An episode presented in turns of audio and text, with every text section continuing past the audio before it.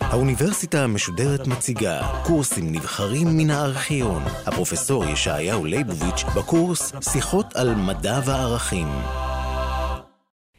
עמדנו בסוף דברינו על ההבחנה הגדולה בין סיבה וטעם.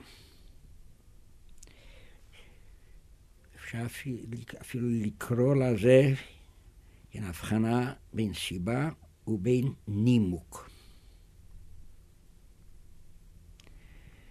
אנחנו אומרים על אדם שעשה מעשה מסוים, הוא עשה זאת וטעמו ונימוקו עמו.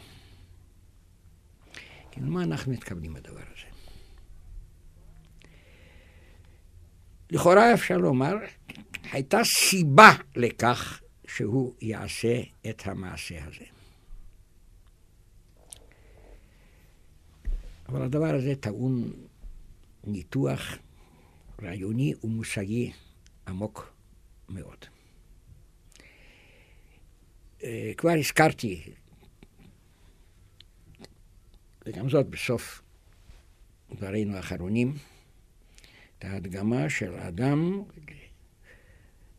המחלית, וההחלטה גם היא מעשה, אה, שמרחק השמש מן הארץ הוא 109 מיליון קילומטר ולא 148 מיליון קילומטר. טעמו ונימוקו עמו. שני המקרים נוכל לומר הדבר הזה. כי מה הביא אותו להגד שמרחק השמש מן הארץ הוא 149 מיליון קילומטר?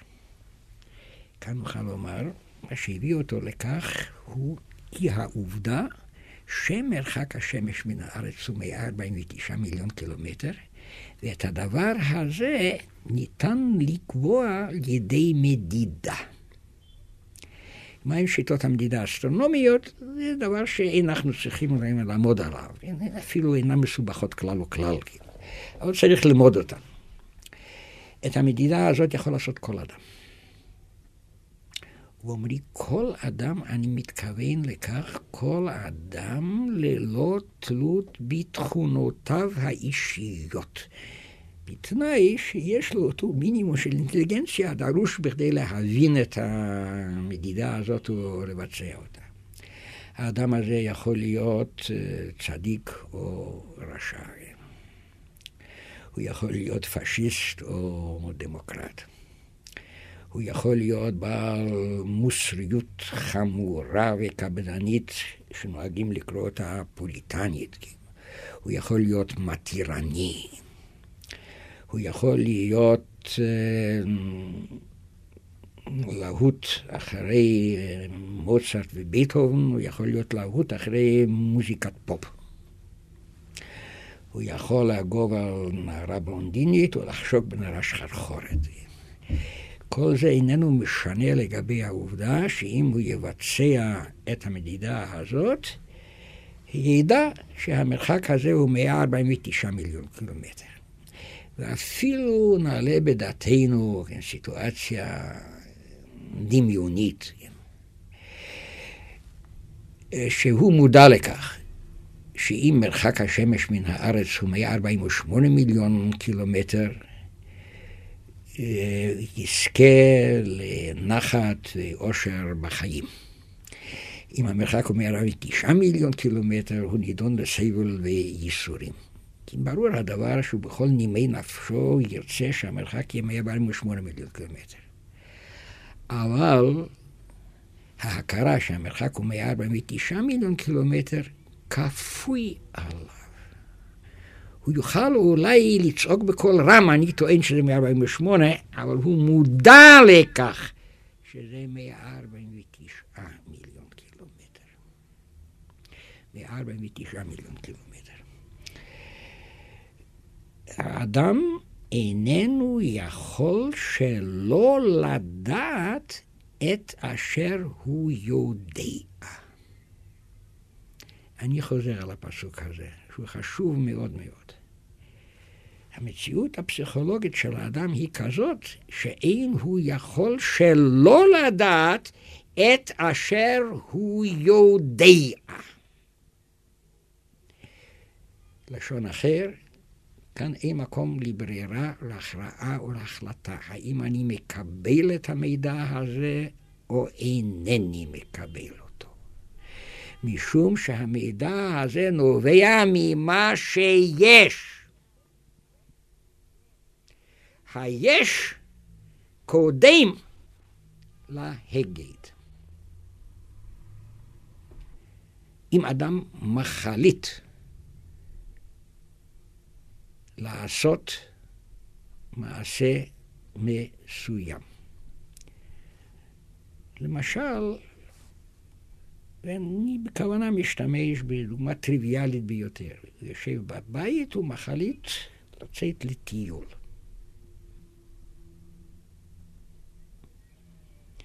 החלטתו זאת מכוונת למה שיהיה.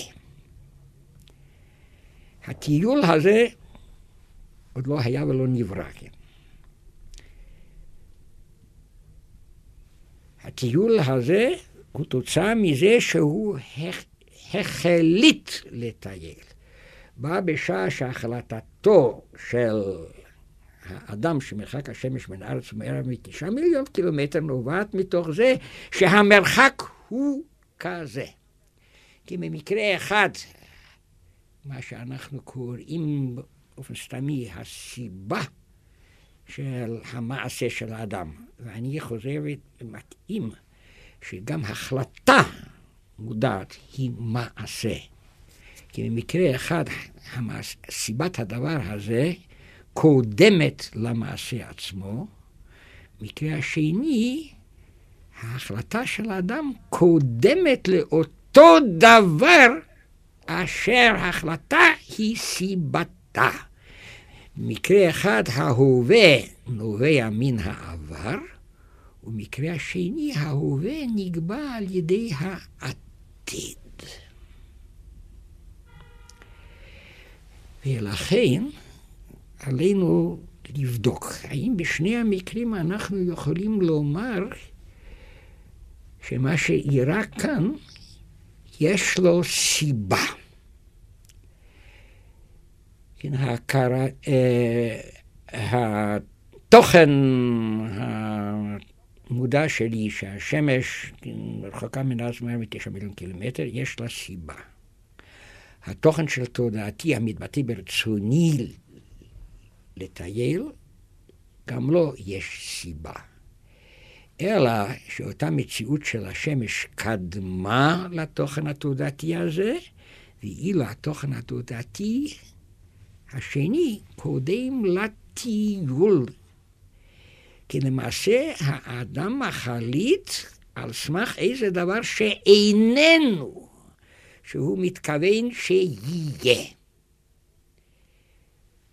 לשון אחר, אנחנו מבחינים בין הווה הנקבע על ידי העבר והווה הנקבע על ידי העתיד.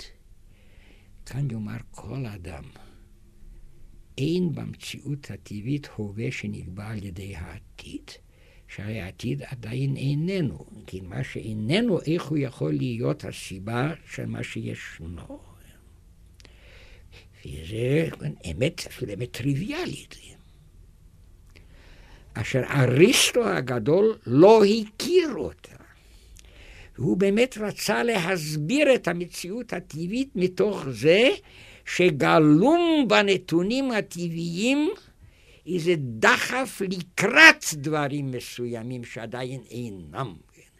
שהעץ גדל וצומח בכדי לפתח פירות. ואנחנו בחשיבה המדעית שלנו נמנעים מן הדבר הזה.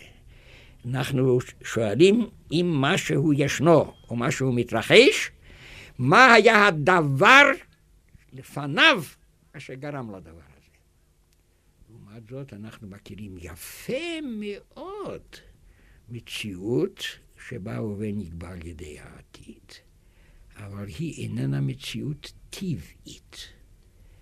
אבל היא אופיינית דווקא לקיום האנושי, במידה שאדם איננו סתם נתון טבעי, אלא הוא אדם במלוא מובן המילה.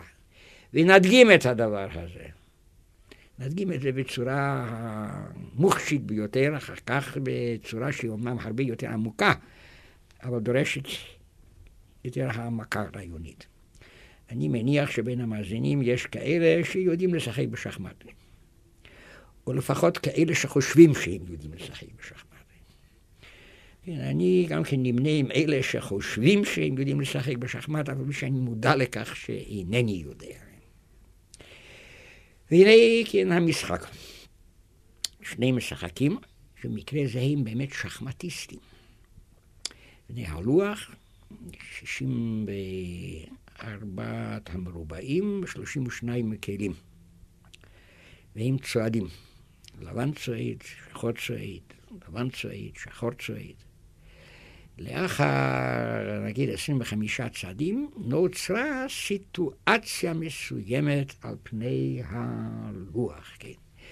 כליו של הלבן מפוזרים במצב כזה וכזה, כליו של השחור מפוזרים במצב כזה וכזה, יש איום מזה על זה, יש איום מזה על זה, וכולו וכולו. עכשיו לבן צריך להחליט על צעד 26.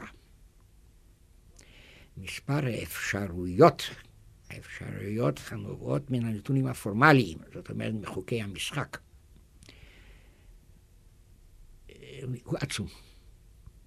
כל אחד מן הכלים האלה, כן, נכון מאוד שפיון יכול לעשות רק צעד אחד קדימה, כן, אף על פי כן, הוא יכול לעשות את הצעד הזה או לא לעשות אותו, וזה חל על כל אחד מהם. הכלים האחרים, כל אחד מהם יכול לצעוד אה, מספר אה, מרובעים לכל כיוון. אנחנו ודאי לא נפריז אם נאמר שבפני הלבן מבחינה פורמלית עומדות כמה מאות אפשרויות לגבי הצעד 26, והוא צריך להחליט על אחד מהם. כי בהנחה שהוא באמת שחמטיסט, מה שאני אינני, אבל אני יודע שמה שיקבע את הצעד 26 שלו זה הצעד 27. בזה מתבטא שהוא שחמטיסט. כן, הצעד 26 זה ההווה ברגע זה. והוא נקבע על ידי העתיד. אם הוא שחמטיסט גאוני, זה ייתכן שהצעד 28 יקבע את הצעד 26 שלו. כל מה שקדם לזה והביא לסיטואציה הקיימת היום, היא חסרת כל ערך לגבי הצעד 26. יכול להיות שהסיטואציה הזאת נוצרה על ידי משגה שהוא עשה. יכול להיות להפך, שהסיטואציה הזאת שהיא נוחה בשבילו היא תוצאה מהתבונה הרבה שהוא עשה 25 הצעדים הקודמים. אבל ללא תלות בכך, אם הוא צריך להחליט על 26, אז כל מה שהביא למצב הזה לא משנה מאומה. הוא צריך לשקול מה יהיה 27 ומה יהיה 28. ראיה לדבר, שאם יתקרב לשני המשחקים האלה, אדם שלישי מן הצד, שגם הוא שחמטיסט, במלוא מובן המילה, והוא משקיף על פני המצב הזה. הוא איננו יודע לא מה, היית, מה היו כוונות לבן עד עכשיו ומה יהיה כוונות שחור עד עכשיו, ומה הביא לסיטואציה הזאת. והוא נשאל לכך, לפי דעתך, מה צריך לבן עכשיו לעשות? הוא יגיד את הדבר הזה. מתוך התחשבות ב-27, אולי ב-28, אף על פי שאיננו יודע על העבר מאומה. דוגמה הרבה יותר רצינית היא הכרעתו של מפקד בקרב. ברגע הזה נוצרה סיטואציה כזאת וכזאת. והוא צריך להחליט. מה הפקודה שהוא נותן.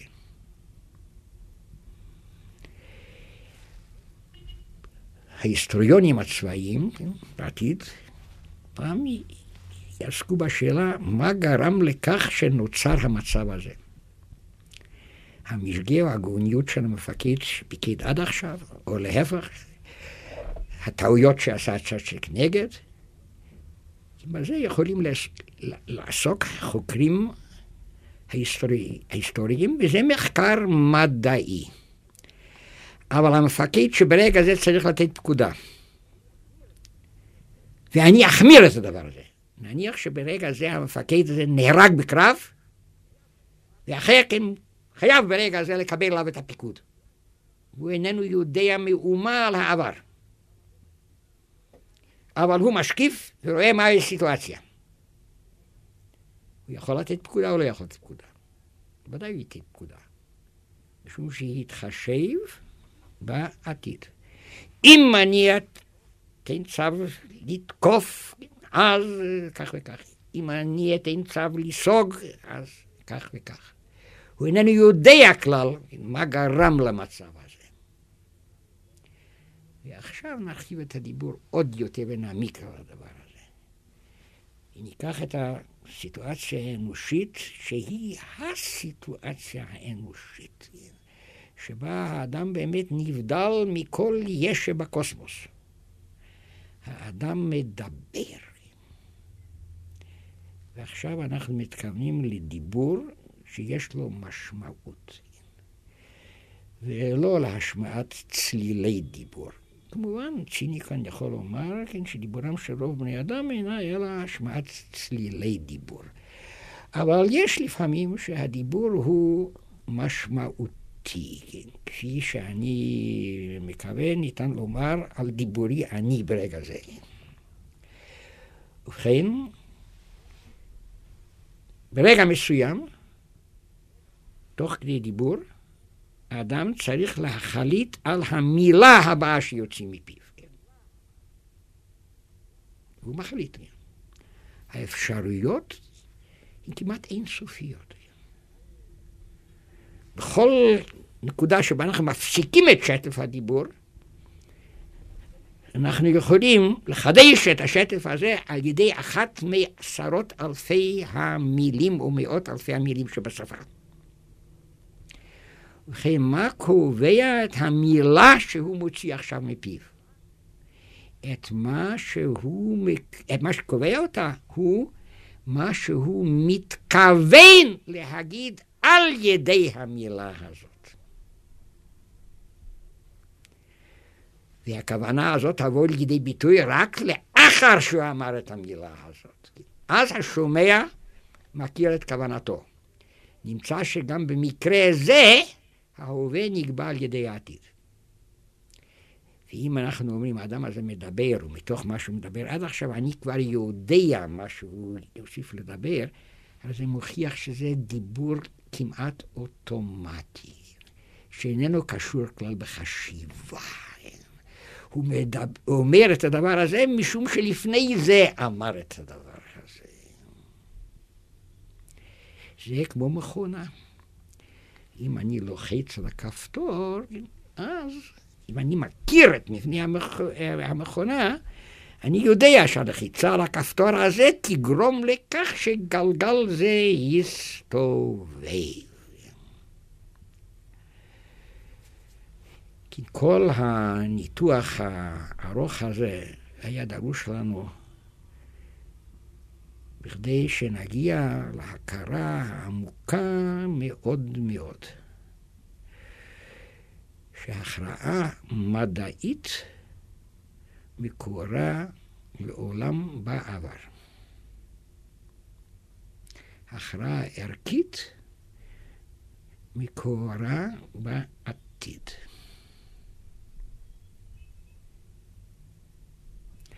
ולכן אין עולם המדע יכול להשפיע על הכרעה ערכית. אם נגיד לאדם, הנה אתה נמצא בסיטואציה כזאת, אתה יודע כל מה שהביא לסיטואציה הזאת. אני אתן לך ניתוח מדעי מדויק, אולי אתחיל מבריאת העולם, כן? והתפתחות המין האנושי, והאבולוציה, כן? וההיסטוריה של החברה האנושית. והביוגרפיה שלך במסגרת החברה האנושית. וכל זה הביא לידי כך שאתה נמצא ברגע הזה בסיטואציה כזאת וכזאת. אין זה קובע כלל. מה הוא יעשה בדבר הזה? השאלה היא, כיצד מצטייר ברצונו העתיד?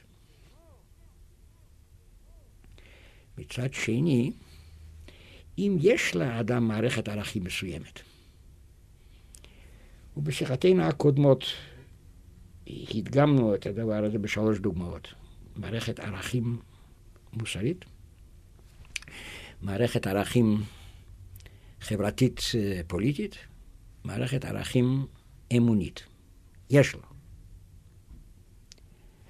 מה זה יכול לתרום לו לגבי המחקר המדעי של העבר?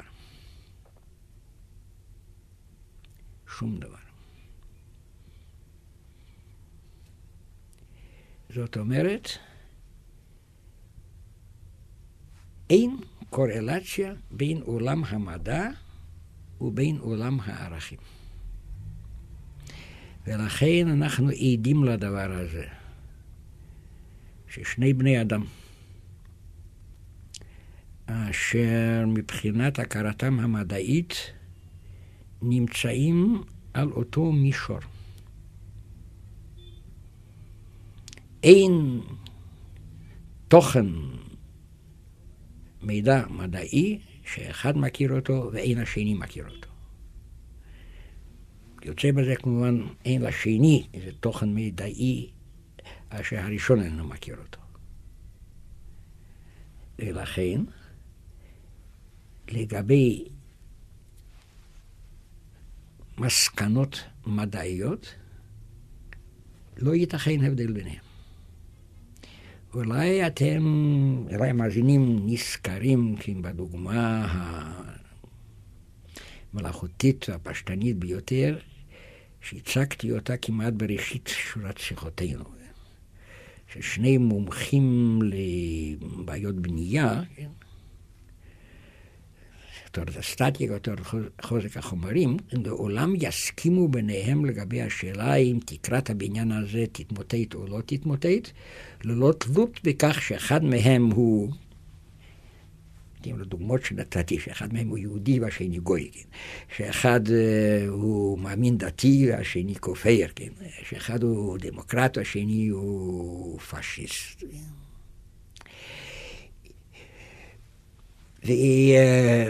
אבל היפוכו של דבר, לגבי ההכרה המדעית אין הבדל ביניהם, ובכל זאת ייתכן שאחד מהם הוא דמוקרט והשני הוא פשיסט.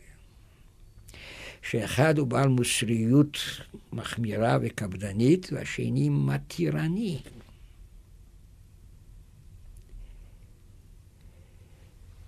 ודבר הזה כמובן גורם אכזבה רבה להרבה בני אדם, שרוצים מאוד מאוד כן, לבסס תורת ערכים על ההכרה המדעית.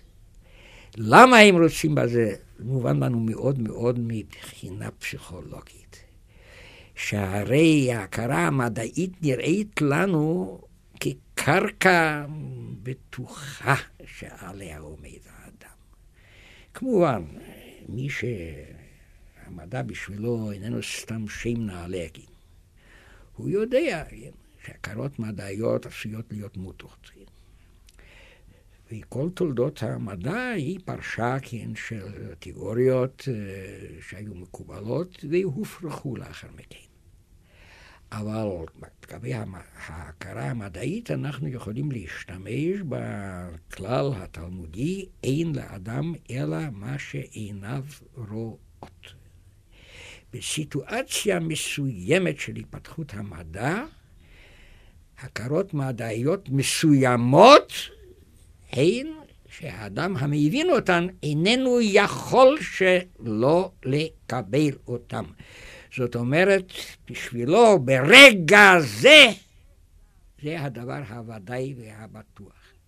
כפילוסוף של המדע, הוא מעלה על דעתו את האפשרות שבעתיד יתברר שאנחנו טעינו, משום שלא ידענו דברים מסוימים שיוודאו לנו לאחר מכן. אבל לפי שעה, אם הוא שואל מה ודאי, בשבילי היום, ההכרה המדעית של השלב הזה של התפתחות המדע. והיא אובייקטיבית, וגם את המונח אובייקטיביות הגדרנו. זאת אומרת, היא איננה תלויה באישיותו של האדם. אילו יכולנו לבסס תורת ערכים על בסיס מדעי הזה, היינו מבטלים כמעט את כל הקונפליקטים בין בני אדם.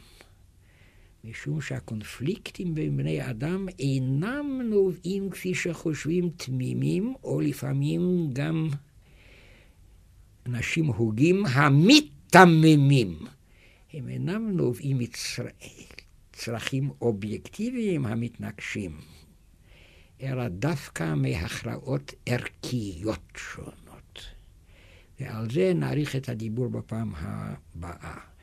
כאן אני רק מציין, כן, שאילו אפשר היה לבסס תורת ערכים על המדע, אפשר היה לחסל את רוב הקונפליקטים הקיימים בין בני אדם, הן בין אדם לחברו, בין קיבוץ אנושי אחד לקיבוץ אנושי אחר, ולשנות את פני ההיסטוריה האנושית. במובן ידוע ניתן לומר שביסוס תורת ערכים על המדע, זאתי הגאולה המשיחית, אילו היא הייתה ריאלית.